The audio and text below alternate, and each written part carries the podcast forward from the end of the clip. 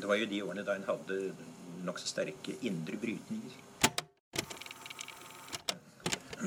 Indre brytninger.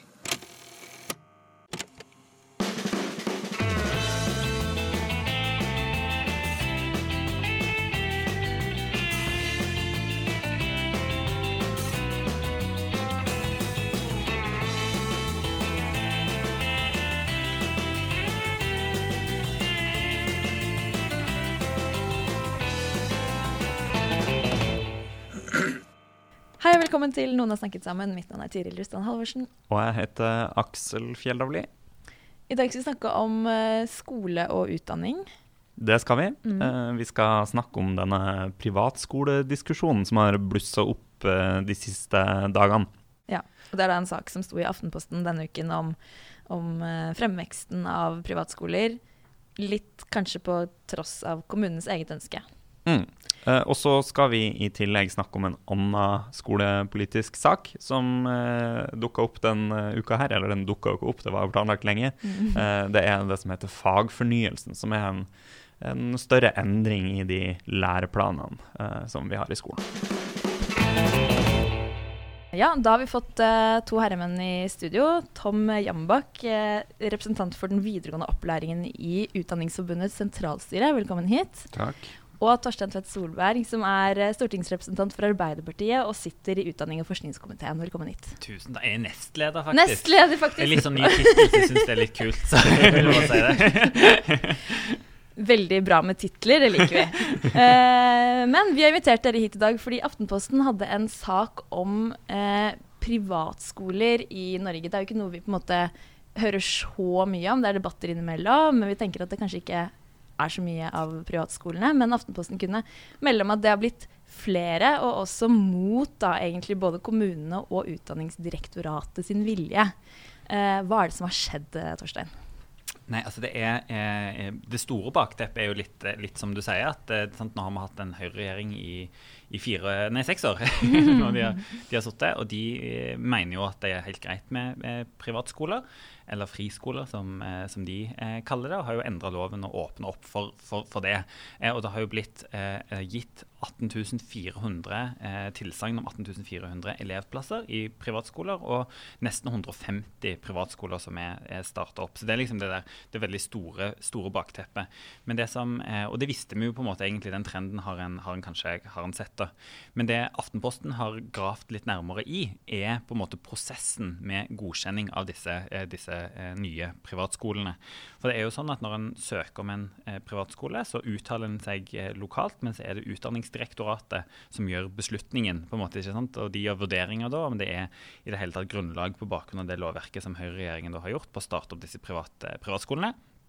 Eh, men eh, eh, i noen tilfeller da, eh, så sier Utdanningsdirektoratet på faglig grunnlag eh, nei til å opprette privatskolene. Og da har de en ankemulighet til departementet.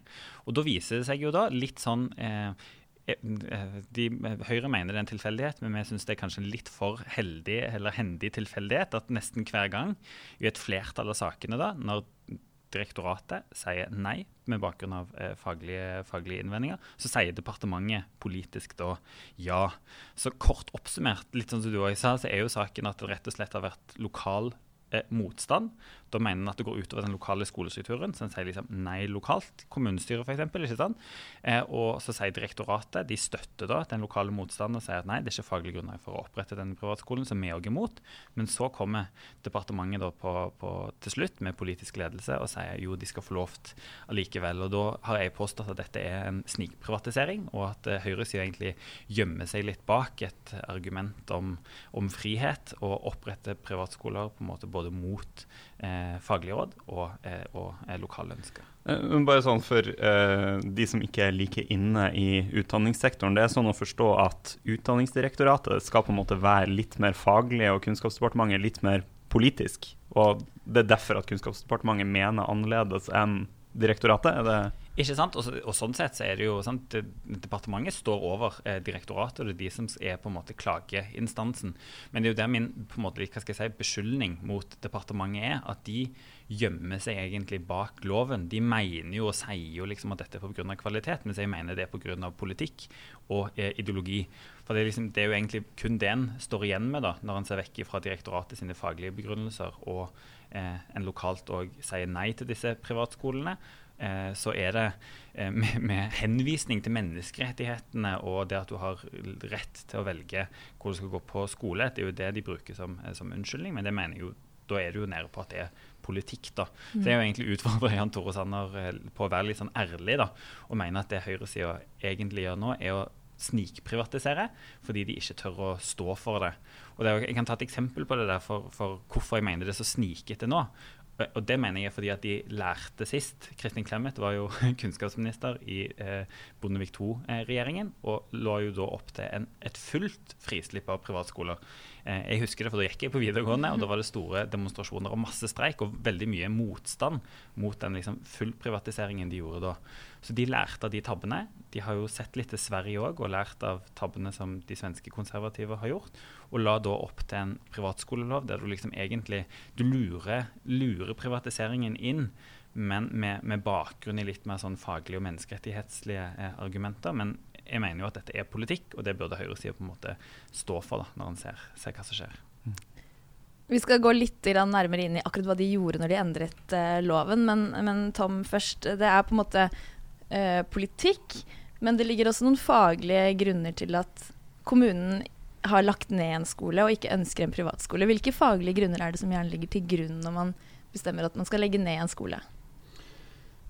Ja, altså om, om, det er faglige grunner eller om det er andre politiske ja. grunner, det, det, det, er, det, er, sikkert veldig forskjellig uh, etter hvor du er i landet. Og, og jeg har inntrykk av at der, I den grad de legger ned offentlige skoler, så er det jo pga. økonomien. At de vil spare inn penger. Og når de legger ned offentlige skoler, så oppstår det da pga. lovverket et uh, vakuum uh, som fylles av private skoler. Fordi det mangler en skole? Fordi det mangler en skole, eller fordi at elever må reise lenger. Uh, og så er det ofte et, et privat initiativ. Uh, Montessori-skole f.eks. på barne, barnetrinnet veldig vanlig at Montessori-skole tar over den lokale skolen. Og bare for å, altså, Vi i Utdanningsforbundet vi er jo ikke mot privatskoler. Vi er um, Det er sånn som jeg driver med det. Sånn. vi er mot. ja, ikke sant? Ja. For, fordi at, uh, men vi er mot kommersialisering av, av, av skolen.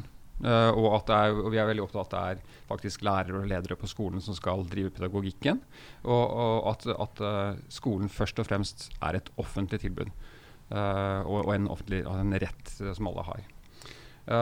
Men utfordringen med at, at kommuner legger ned, er jo også barneskoler, er jo det at det, er ofte et slags lim i lokalsamfunnet. det er ikke bare skolen som blir lagt ned, men det er gymsalen der juletrefesten holdes.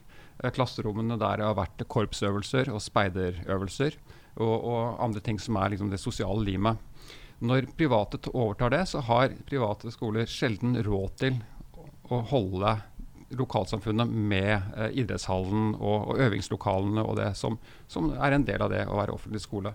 Så vi er opptatt av uh, det brede perspektivet på hva en skole er. Altså ikke bare elevenes læring per se, men at skolen er, faktisk er en viktig del av et lokalsamfunn. Mm. Men er det den uh, rekkefølgen det typisk skjer, at det offentlige har en skole som er et sted, ei, ei grend, da, og så legger de den ned, og så er det foreldre lokalt som sier jo, men vi har lyst til å ha skole her, og så kommer det en privatskole. Eller er det, er det også tilfeller liksom, der det skjer andre veien, at det kommer liksom en privatskole og banker på døra og sier vi vil starte en skole her, og så utkonkurrerer man en offentlig skole? Hva, hva er liksom det typiske? Ja, det er forskjellig fra, fra barneskole og videregående skole. Okay. Barneskole, Det er i hvert fall mitt inntrykk. Uh, uten at jeg vet uh, nok om det. Men mitt inntrykk er at barneskole blir lagt ned, og ungdomsskole blir lagt ned. Og så oppstår det dette vakuumet, og så, så kommer private inn. type uh, Montessori, fordi av, av reisevei og, og, andre ting. Og da er det ikke pedagogikken som står fremst, Montessori-pedagogikken, men det er faktisk skoleplassen. Mm. Og på videregående skoler så er det ofte sånn at et, typisk eksempel, eksempel da, Da kan det hende at uh, også uh, at, at, de vil tilby en type det som, det som Torbjørn Isaksen var veldig opptatt av. sånne uh, Han kalte det sånn, sånn type sånn, Profilskoler. Profilskoler, ikke sant. Hvor det blir uh, opprettet en eller annen sånn, sånn matematikkskole, realfagskole eller sånne ting. Så mm. de kan tilby det. En annen ting er jo at hvis man legger ned en bynær skole i en liten by, legger man ned den, felles, altså den studiespesialiserende skolen, flytter den ut av byen for å spare penger, legger den sammen med yrkesfaglig skolen, får en kombinert skole. Og da ligger det en bygning midt i byen som er fritt svilt måte, for private interesser, som kan ta over. Da kan private åpne skole der. Og så vil da den billige skolen, så for studieforberedende er veldig billig å drive. Mm. Mens yrkesfag er dyrere å drive. Og så får kommunene, alle disse, eller fylkeskommunene i videregående skole, får da, må drive den dyre yrkesfagskolen. Mens den billige studieforberedende blir drevet av private. Så sånn, sånn og Det ser man vel i tallene også, på hvor det er mye privatskoleplasser. Så er det vel mye studieforberedende, og ikke riktig. så mye yrkesfag. Helt mm. riktig. Mm. Mm. Stor overvekt på studieforberedende, og stor overvekt ikke minst i, i, i byene. Jeg var jo bare for, for, for, å si noe på akkurat det. for det en har jo sett en endring fra sånn tidlig og til og med under den rød-grønne regjeringen så hadde du veldig mange eksempler på, på en måte liksom det dere beskriver når om at grendeskoler ble lagt ned, og at en da oppretta sånne små alternativer. Men det er mindre av det som er tendensen nå. For det er, det, det er mindre av sånn at en legger ned grendeskoler, rett og slett. Og det er mer opprettelse av den typen som, som Tom sier nå, altså de såkalte mm. profilskolene. Det som, det som kan du bare si kort hva en profilskole er? Ja, altså, det er faktisk òg et veldig godt spørsmål. Okay. eh, og det er, eh, det er jo litt av det der som jeg mener er litt sånn snikete. Mm. med sånn som Høyre, Høyre holder på med dette. Fordi de sa sjøl, når de innførte loven, at profilskoler skulle være For altså, Egentlig så handla det om et brudd med at det bare var pedagogiske alternativer. Så var den gamle loven som I den gamle privatskoleloven. Den gode gamle, ja, som var liksom forliket ja, ja. fra, fra 2000, forlik fra 2006, som den rød-grønne regjeringen styrte på. Og Hva var det som var på en måte formålet med den loven? Hva var tillatt da? Ikke sant? Da, det var jo først og fremst et eh, nei til det fulle frislippet som Kristin Clemet hadde satt på, på, på privatskoler. Det fikk vi rydda opp i og så åpna han opp eller sa ja til at det skulle være disse pedagogiske alternativene. og Da er det sånn Steinerskole, Montessori og mm. noen religiøse alternativer. Som skulle få statlig finansiering? Som skulle få statlig finansiering. Mm. Det er jo selvfølgelig liksom noe av premisset og det viktige, viktige her. da. Eh, ja, så Det var liksom utgangspunktet. og så når, når de da, eh, når Høyreregjeringen endra i 2014 og 2015, så åpna de opp for profilskoler. og Da går du på en måte vekk ifra det med pedagogiske alternativer til egentlig å åpne opp for litt sånn hva som helst. Og så snakket de om at det skulle være sånne ting som realfagsskoler. Og så har vi endt opp da med det det er mest vekst i, er, er, er, er internasjonale skoler og rene sånne idrettsskoler. Eh, fra Rogaland så kjenner jeg masse sånne eksempler. Og I Drammen òg er det vekst nå liksom i at en del av disse eh, idrettsgymnasene skal starte idrettsungdomsskoler og sånne ting. Mm. Som er altså helt det motsatte av det som høyresida på en måte snakket om, og som jo er midt i kjernen av det som Tom er inne på. Det er disse, dette er de billigste linjene da, som mm. en ser for seg at uh, overpresterende foreldre som har veldig lyst til at uh, kiden som er flink i håndball eller fotball, skal bli liksom verdensstjerne, kjører de inn på en, på en, eh, på en privatskole. Ja, fordi Kritikken her ligger da i at den nye definisjonen, da, det som nå heter friskoleloven, er at disse åpningen for, for privatskoler, da, hvis vi skal fortsette å kalle det det, er såpass bred og uklar at det ligner mer og mer på det ordinære offentlige tilbudet. Helt klart. Også, og det er jo det som er liksom kjernen i den Aftenposten-saken. At eh, lokalt så har det vært veldig stor motstand mot mange av disse skolene. For en ser det ødelegger den lokale skolestrukturen. På en måte, for å ta noen eksempler. I min egen hjemby Stavanger så er det en sånn internasjonal skole som har fått tillatelse til å starte opp i den bydelen som jeg er vokst opp i. Der trenger kommunen å bygge en ny barneskole, for det har vært så mange barnefamilier som, eh, som har flytta der til. Og da er jo økonomien til den nye skolen mye mer komplisert for kommunen enn å måtte utsette til å bygge den skolen. Og Aftenposten pekte jo også på en helt konkret sak i Flekkefjord, var det vel, der, eh, som på en måte til det, eh, til det de skrev om. der eh, Flekkefjord kommune hadde sagt at det kom til å gå utover den lokale skolestrukturen. De måtte sannsynligvis legge ned en skole hvis den nye skolen fikk ja. Mm. Det sa direktoratet seg enig i. Og så sa Kunnskapsdepartementet da at nei, det tror vi ikke kommer til å skje sa ja til denne skolen, og nå må de legge ned. ja, fordi, ja. fordi, i den Aftenposten-saken så sier jo de eh, ordførerne eller rådmennene som intervjuet, at de trodde ikke søknaden om en alternativ Montessori-skole eksempel, skulle gå igjennom, fordi et av kriteriene er at det ikke skal gå utover det offentlige skoletilbudet, og det handler om at pengene følger eleven. Mm. Eh, og så har de likevel fått et ja Mm. til å opprette denne skolen. Men ja, og, og, da må jeg bare si, eh, for å være litt streng, da Ja. uh, Wake up and smell the coffee. Uh, og uh, Snikprivatisering, jeg liker ikke det begrepet. For det minner meg om andre snikting. Uh, Eh, for det, ja, det, det, hemmelighet, jeg leder hen uh, tanken på andre ting Snikete ting. før, som, som, som eh, mange sier. da Så det litt- tar litt sånn Men, men, men det jeg, jeg kan bruke, er en, en tendens eller en trend. Og den trenden mener jeg jo at, at eh, politikere og rådmenn bør ha fått med seg. Eh, på videregående skole f.eks. så fra 2002 til 2017 så økte antallet elever på private skoler med 80 Mm. Og det er ganske sjokkerende tall. Mm. Uh, når du ser, det, er, okay, det, er en, det er fremdeles heldigvis en, en, en liten andel av norske elever som går, faktisk går på, ta, på private videregående skoler. Men det er en trend. Det er en helt tydelig trend. eh, og, og det er det viktig å få med seg, og det syns jeg også politikerne må få med seg. Og det er klart at eh, det, Akkurat denne Aftenposten-saken viser jo også at eh, det er noen partier som presser mer på og syns denne trenden er ålreit uh, enn andre partier.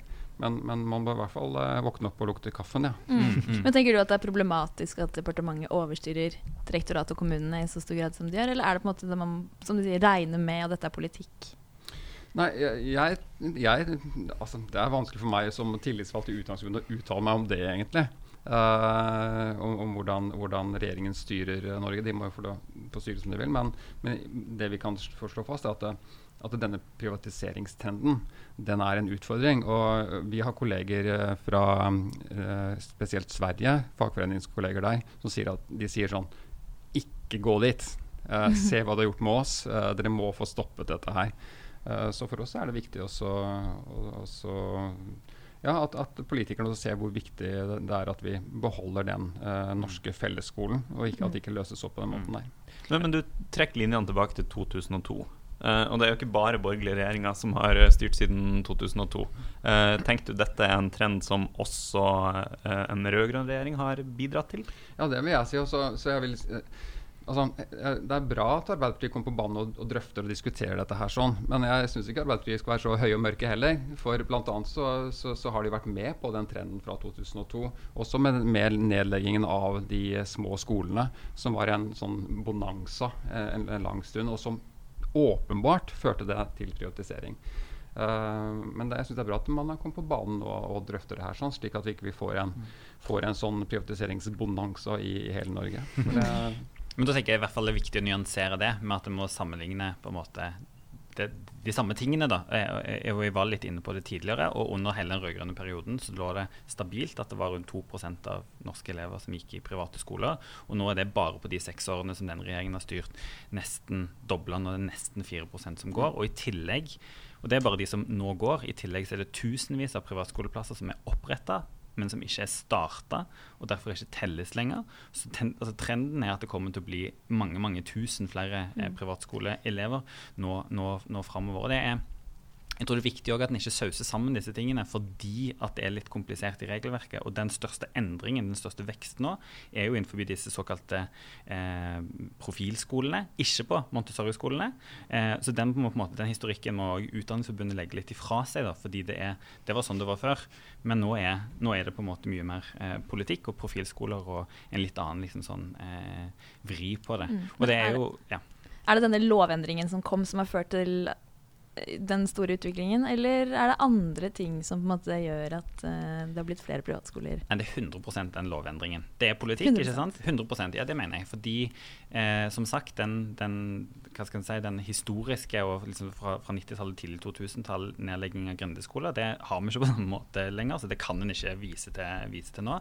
Men det er den endringen i, i loven der eh, høyreregjeringen åpner opp for det. Og det er jo det en ser når du ser på hva type aktører som står bak.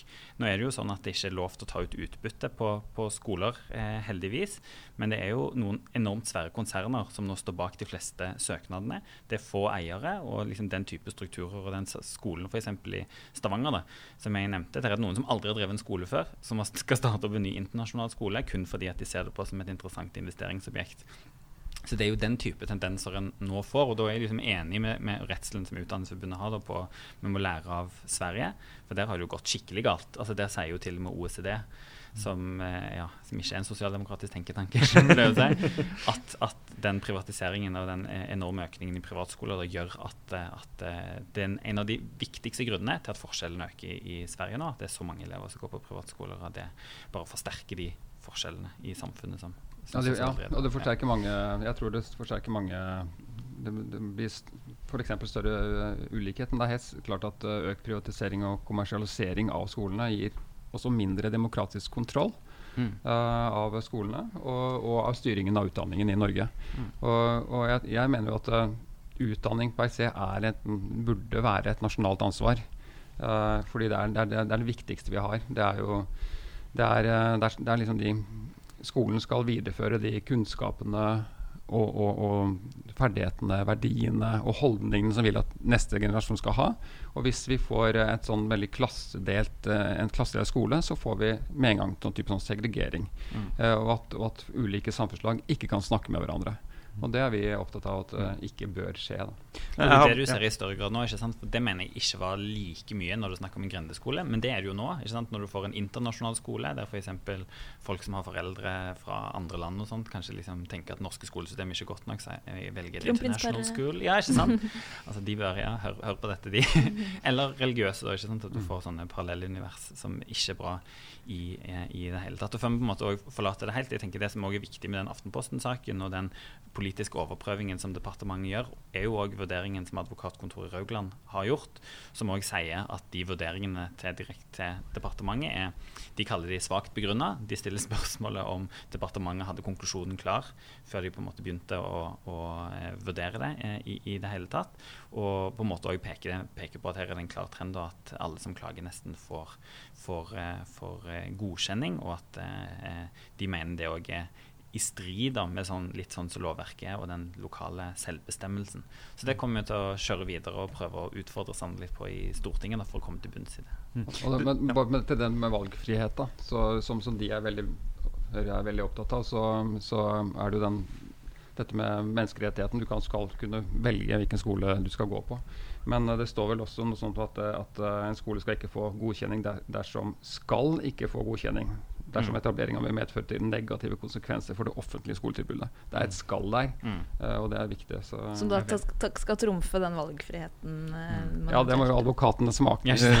det må de, de, de ta en ja, men, uh, men, men, bare for å tydeliggjøre det, det går utover det offentlige skoletilbudet. altså Den mekanismen som er, er at fordi det er offentlig finansiering av den private skolen, så trekkes det fra det offentlige mm. budsjettet og gjør at den offentlige skolen får mindre penger. Altså da, Pengen følger eleven. Ja, ja, Men det betyr ikke det at enhver privatskole går utover det offentlige skoletilbudet, og at loven i seg sjøl altså, Er det paradoksal? Ja.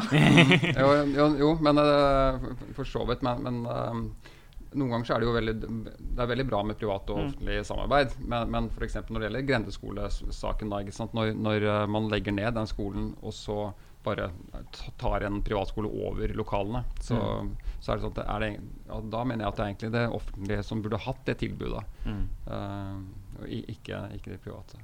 Det er jo dette som også er krangelen ikke sant, i forhold, i forhold, til hvor mye skal du vektlegge det, det lokale. Og det har jo vi, vi hadde Senest i går til behandling en sak i Stortinget der eh, vi sammen med SV fremma en del forslag. For det som jeg, jeg har vært veldig opptatt av det som Tom sier med den demokratiske kontrollen. For, eksempel, Det store paradokset her er jo at det offentlige er nødt til å gi støtte til de private skolene. Men f.eks. nå i årene framover så ser en i ganske mange fylker at det er synkende elevtall. Som betyr at må, det er færre elever på en måte å konkurrere om. Da, på en måte. Og da har, har, det offentlige null kontroll og null styringsrett over de private, som eventuelt har fått en fått, en privat, fått, fått, fått, skoleplasser. Og da er jo den eneste, eneste styringen en sitter igjen med, er jo å legge ned sine egne. Hva tenker dere fra Utdanningsforbundet sin side at må gjøres eh, når man ikke ønsker enda flere privatskoler? Jeg tror jeg egentlig er å, um, Det som jeg snakket om i stad, det med, med, skolen som er et offentlig, uh, offentlig ansvar. Og, og, så tror jeg også at de Hvis man ser til USA, nå har vi arvet veldig mye skolepolitikk fra USA de siste årene. Og type sånn OECD og USA har, liksom, de har, begynt, de har gjort det der, og så, og så har vi arvet det. Uh, alt fra tidlig innsats til, uh, til testsystemer. Og, Hele PISA er vel OECD? PISA er OECD, ikke sant? så vi har liksom en sånn type sånn OECD-skole. Og, og, hele den uh, Kunnskapsløftet fra 2006 jo en, var jo en styringsreform. Mål- og resultatstyring kom inn i skolen. Og mye mer en styringsreform enn det var en læreplanreform per se. Så, så jeg tror at vi, at vi, tenker oss om og ikke går der. Men, og jeg er veldig opptatt av at vi altså, vi kan vel inn, vi må Uten å liksom være høye og mørke, så tror jeg vi kan si at Norge er et ganske bra sted å bo uh, globalt. Uh, og Til og med med i enig i det. Ikke sant? Ja. Uh, og, og, og, hva er det som ligger til grunn for at vi har det så bra i Norge? Jo, det er mange ting. Konsesjonsloven du kan liksom nevne i fleng. Men en av de viktigste tingene, tror jeg, det er jo skolen. Mm. Og hvordan vi har behandlet uh, liksom, skole hos oss. Og jeg, jeg, er veldig opptatt av at vi må gå tilbake og si hva det, hva, hvordan gjorde vi det? Hva er den nordiske eller norske skolemodellen? Hva er det vi gjorde så, for, så, for, så bra at vi kunne få disse her, uh, tømmerhoggerne og bøndene til å begynne med å utvikle oljeteknologi, liksom? Det er sånn det, og, og, og, det tror jeg vi skal se mer på, ikke bare arve ting fra utlandet og ta det inn fordi at vi tror det det funker. Uh, og Robert Putnam f.eks. fra USA som sier at hallo, det er jo ikke sikkert at de mest intelligente får de. Ikke De mest intelligente elevene får de beste plassene der de kan utvikle seg. Fordi at det er, det, det er, det er mye mer snakk om sosial bakgrunn enn hvor smart du faktisk er, eh, som teller da for hvilken skole du går på. Så, så, jeg tror det er en viktig politisk arbeid som må gjøres der. sånn, og så øh, og i, nå vet ikke jeg hva som er Nå vil ikke jeg si at det er, at det er privatisering for privatiseringens skyld, men det er mer en tro på at denne privatiseringen er bra for enkeltmennesket og for folk. Uh, så Derfor så er det en formidabel en politisk oppgave også, også, også å formidle hva vi har gjort bra før, uh, og hva som sannsynligvis også vil være bra fremover. Da. Mm. Hva skjer videre med denne konkrete saken nå, Torstein? Blir det noen høringer for å finne ut om de har brutt loven i departementet, eller? Ja, det er jo fortsatt altså, Verken Aftenposten eller vi fra Stortinget, selv om vi har vært i kjempemasse debatter med Tore Sander om dette, har jo fått helt svar på hva er det som ligger bak departementet sine vurderinger av skjønnet. Altså hvorfor de ser vekk fra den paragrafen om på en måte lokal eh, selvkontroll, og sånn sett òg hvorfor de mener de faglige vurderingene fra direktoratet var feil. Så nå jobber vi med på en måte å formulere de eh, spørsmålene som vi skal sende over til, til Sander for å få liksom, i enda større grad klarhet i, eh, i eh, i, akkurat, eh, i akkurat, det. da. Mm. Eh, og så er jeg veldig enig med det siste som Tom sier nå, for det er jo lett. og det, ja, Du sa det òg, Aksel, at vi er jo litt nerdete på Stortinget ofte når vi går inn i disse tingene, men liksom ikke helt glemme, glemme det der hvorfor, hvorfor er disse diskusjonene viktige, og egentlig hvorfor denne kampen mot privatskoler eh, politisk òg er viktig. For det er jo et viktig pga. forsvaret for fellesskolen. Og, og det, til og med Steffen tror jeg syns jeg sa det veldig bra. liksom Fellesskap har aldri vært viktigere enn det er nå. Sant? I en verden som er mye mer polarisert. Der det, er, altså det, blir det, også, det blir mye større forskjeller og ja, en vanskelig polarisert debatt, og folk settes i mye større grad i bås, er det vi har i Norge med fellesskolen, der egentlig alle møtes i den samme skolen. altså Det der klassiske uansett liksom foreldrenes sin lommebok, men ikke minst òg nå, med ulike kulturer og religioner og sånn, hvor ekstremt viktig, viktig det er. og jeg er veldig skremt av å se på en måte hvordan en får lov til å vokse, det vokse fram alternativer som både ja, baserer seg på religion eller eh, eh, altså, sånn som idrettsskolen, eller rett og slett liksom foreldrenes eh, lommebok og ambisjoner for, for barna sine. Det er, jo, det er, jo, ikke bra i det hele tatt. Og så har vi jo masse, masse, massevis av forskning som sier at det òg er dårlig for hele samfunnet å gå, Mm. gå den veien. Se bare til Sverige. Storbritannia. Uff, ja. Storbritannia. Kan vi ha en egen podkast om? det. Ja. Husker for eksempel, en fun fact, holdt jeg på å si, jeg har lest masse, kos meg masse. Det, I Storbritannia de elsker de å forske på dette. De har hatt disse privatskolene og kostskolene veldig lenge. Der er det heller ikke så mange som går på privatskoler som det kanskje kan virke. Når du f.eks. ser på filmer der, og sånt, det er kun 8% som går på privatskoler. Men hvis du ser historisk på hvem som har sittet i regjering i Storbritannia, så er det 90% kommer fra disse kostskolene. 50% i parlamentet. Nesten alle dommere og embetsfolk kommer fra de samme privatskolene. Så det sier jo litt da om på en måte hvor, hvor, hvor gale det kan bli. At det blir en sånn eh, egen eh, elite som får lov til å styre med ting. Mm. Sånn kan vi ikke ha det. Nei, dette merker jeg at vi kunne snakket eh, mye om, og også eh, på en måte sentrum-venstre skolepolitikk eh, fremover. Men, men det har vi ikke tid til. Men vi tenkte at siden dere først nå er her, og det har kommet nye læreplaner, så tenkte vi å måtte høre liksom kort da, hva, hvorfor er det nye læreplaner, og hva syns dere? Tom, du har jo sagt at eh, det er bare å pakke en mynt på deg, så kan du snakke i timen. Læreplaner. Kan ikke, kan ikke du gi oss en sånn umiddelbar eh, reaksjon? Jeg skal, jeg skal forsøke på en kort versjon, men eh, til og med altså, eh, de som styrer i dag, skjønte også at uh, de nye læreplanene Jeg fortalte det i stad, at det var en styringsreform. Vi fikk mål- og resultatstyring inn i skolen i mye større grad i, i Kunnskapsløftet. Uh, og den ble fulgt opp av bl.a. SV og Arbeiderpartiet. Ja, ja. Og kjørt på med det- den der. Og, og så, så, gikk det over styr, tror jeg mange så. Det var for mange mål, og elever blir utslitte. Vi får sånn tester. Sånn type, jeg har hørt sikkert om Sandefjordskolen, som var sånn avkrysningsregime. Fått mange negative konsekvenser. Så det som skjedde, var, var jo sånn som jeg ser det, var at dette med, med kunnskaper og ferdigheter eh, tok helt overhånd, og vi glemte verdiene og holdningene. Det, altså det brede skoleoppdraget. oppdraget. Eh, og så fikk vi da denne fagfornyelsen. Og det passet, det, lærerne ville ikke ha en ny reform, for de er lei av reformer. Uh, og så passa det godt inn i sikkert for Høyre også å kalle det en fornyelse, i og med at de hadde fornye, forbedre uh, var det siste? Forandre, Foran, forny, ja, ja, som, eh, som et slagord. Så derfor ble det en fornying isteden, som gikk liksom i ett hjem. Men det, det der, da, det er jo ikke en, de kaller det fagfornyelsen. Men det er jo ikke fagene som er nye. Det er ingen endring i fagene i skolen. Det er de samme. Og det er, liksom, det er fagtradisjonene som fortsettes. Men det er en, en kalibrering av styringsverktøyet Kunnskapsløftet som har skjedd.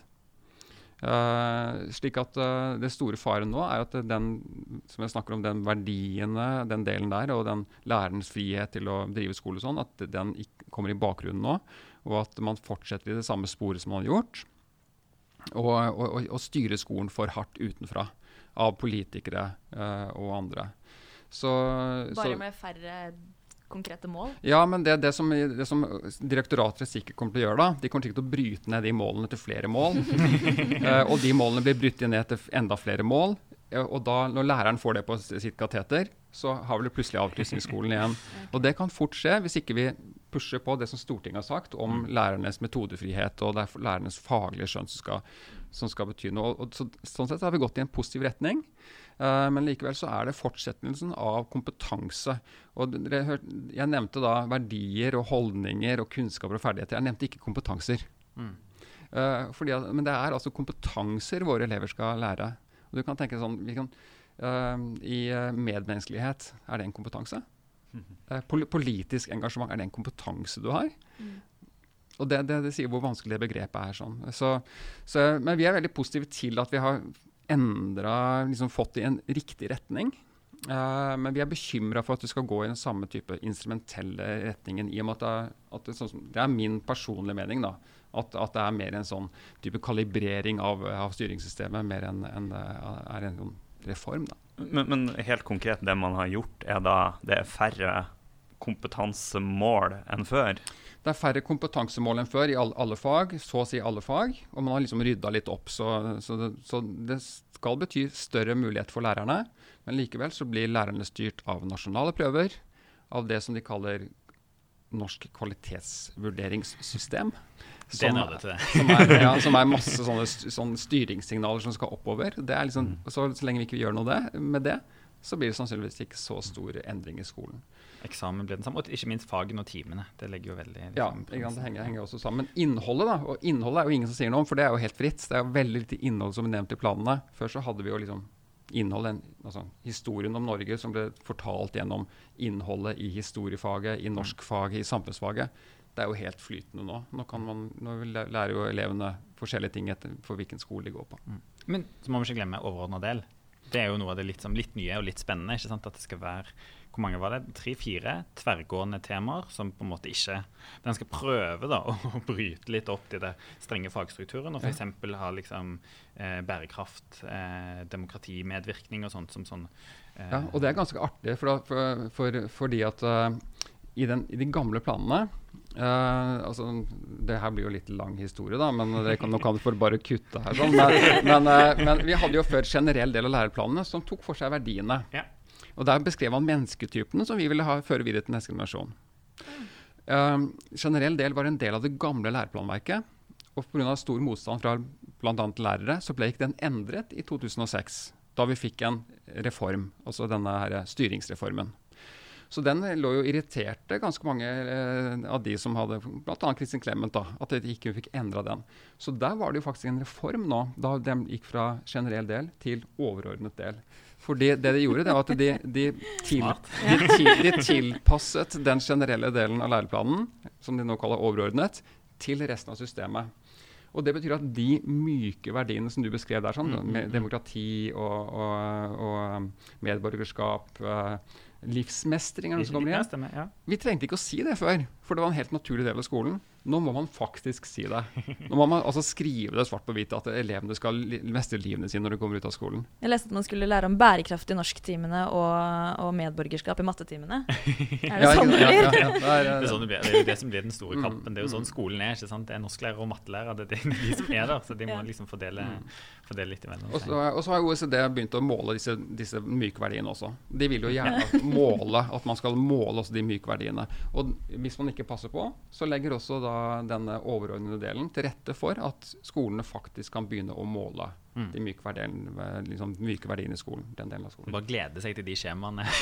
Men, men hva, hva tenker du, Torstein? Nå så jeg et oppslag om at ja, nå vil selv Høyre ha mer lek i skolen. Hva, ja, ja. hva tenker du da fra opposisjonen? Nei, ikke sant? Altså, dette er jo, eh, Når vi nå har de nye læreplanene på bordet, så er jo det et resultat av en veldig lang prosess. altså vi Som politisk i denne runde liksom starta med Ludvigsen-utvalget og har vært en stortingsmelding der det har vært ganske sånn brei enighet om det, det som på en måte Tom, Tom Mm. beskriver, den eh, fornyelsen. Eh, og det, han- sånn, òg har jo det der politiske bakteppet med at vi ble litt eh, kritisert for å drive med veldig mange reformer som, som ødela veldig mye. og da, Det var jo derfor en ikke i rød-grønn regjering gjorde så store endringer, ikke kjørte på ny reform. og Det er derfor en gjør denne som mer en justering, og ikke liksom kjører på med det nye. Så får vi se om det funker. da, Det er vi alltid, litt, eh, alltid litt, eh, litt spente på. Men veldig mye bra, veldig mye spennende. Og det er jo litt gøy og litt rart til og med å se Jan Tore Sanner stå på en talerstol og si at nå skal det bli mer praktisk skole og mer eh, lek.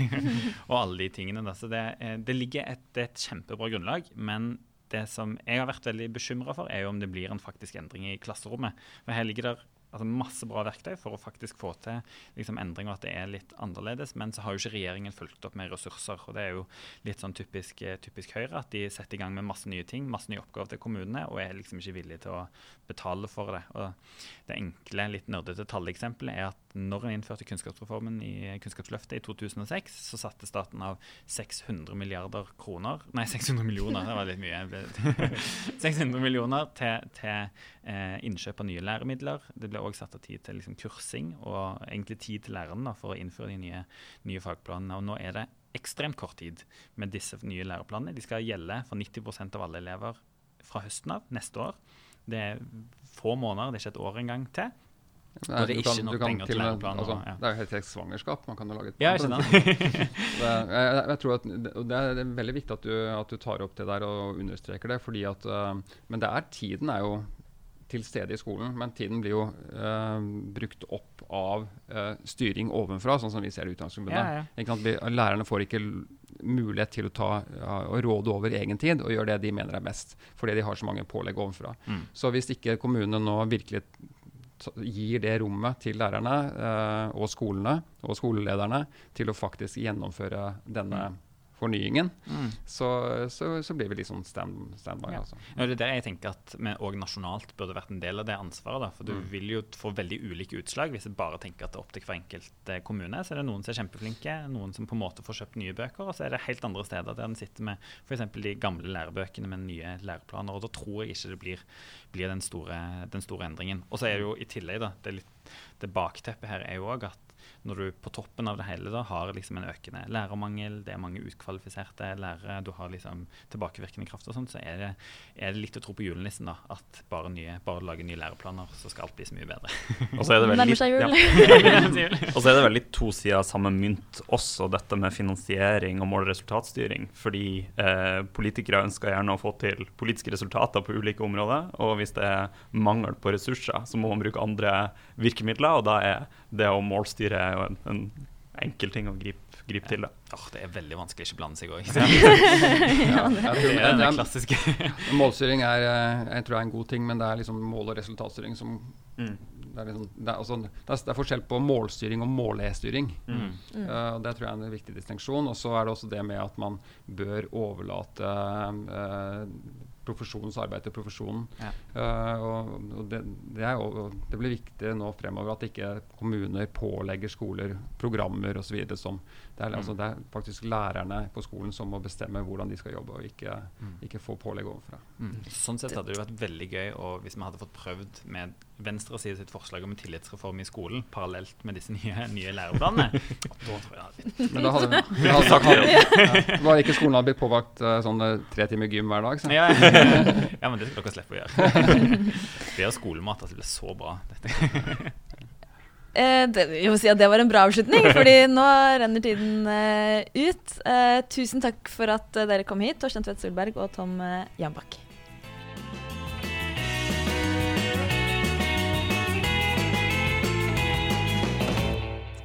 Ja, vi får anbefale noe da, Aksel. Ja, eh, jeg tenkte jeg skulle anbefale ei, eh, ei nettside som heter youronlinechoices.eu. Eh, og, og, for det er jo sånn på internett så uh, er det en masse selskaper som tjener penger på å samle inn data om oss, persondata om oss, uh, selge videre til andre selskaper, og dermed tjene penger på håper jeg, vår personlige atferd på, på internett. Og det er jo en markedsmodell som eh, uh, bidratt Man kan si. Hæ? Som man kan si mye om. Man kan si mye om den, og som bidrar til eh, at Facebook er så svært som det er, at Google er så svært som det er, eh, og som også er en trussel mot uh, personvernet til hver og en av oss. Eh, så da finnes det, i- jeg håper si inntil videre, inntil at politikerne har gjort noe med denne uh, markedsmodellen, så finnes det en eh, bransjenettside da, som disse selskapene har laga sjøl, antagelig etter press fra utenfra. For, for å, eh, som gjør at man kan velge bort en del sånn personalisert reklame, da, som er det markedsmodellen bygger på. Og Det er den sida som heter youronlinechoices.eu. Og Der kan man slå av personalisert reklame fra f.eks. Facebook, Google, LinkedIn, masse andre sånne Så selskaper. istedenfor som- å gå inn på hver enkelt side og gjøre det, ja, så kan du bare det trykke på alle knappene som står der, og, og da, får du, eh, da tjener de mye mindre penger på deg. Så det Så får man er masse rar reklame. masse rar reklame. Det er prisen å betale. uh, apropos EU-tapsi, det er um, Vi skal uh, sammen med Fagbokforlaget lansere en bok om eh, eh, EØS. som er skrevet av Lise Rye på NTNU. om en fagbok om Norges vei inn i EU via EØS-avtalen, på en måte. Den er veldig interessant og veldig detaljrik om alle mulige forhandlinger og ulike avtaler og mål og mening med dette europeiske integreringsprosjektet. Og vi lanserer den boken på eh, tirsdag. Og da blir det først en samtale med Lise Rye, forfatteren, og så blir det debatt om EØS-avtalen eh, med Anne Beate Tvinnerheim fra Senterpartiet, Anniken Huitfeldt fra Arbeiderpartiet, Heide Nordby Lunde fra Høyre og Dag Seierstad fra SV. Eh, det er klokken seks. Så jeg håper at eh, dere kommer dit. Ja. Neste uke skal vi snakke litt om eh, de alternative statsbudsjettene, tenkte vi. Blant annet. Ja. Så det er bare å glede seg til. Yes. Ha det bra.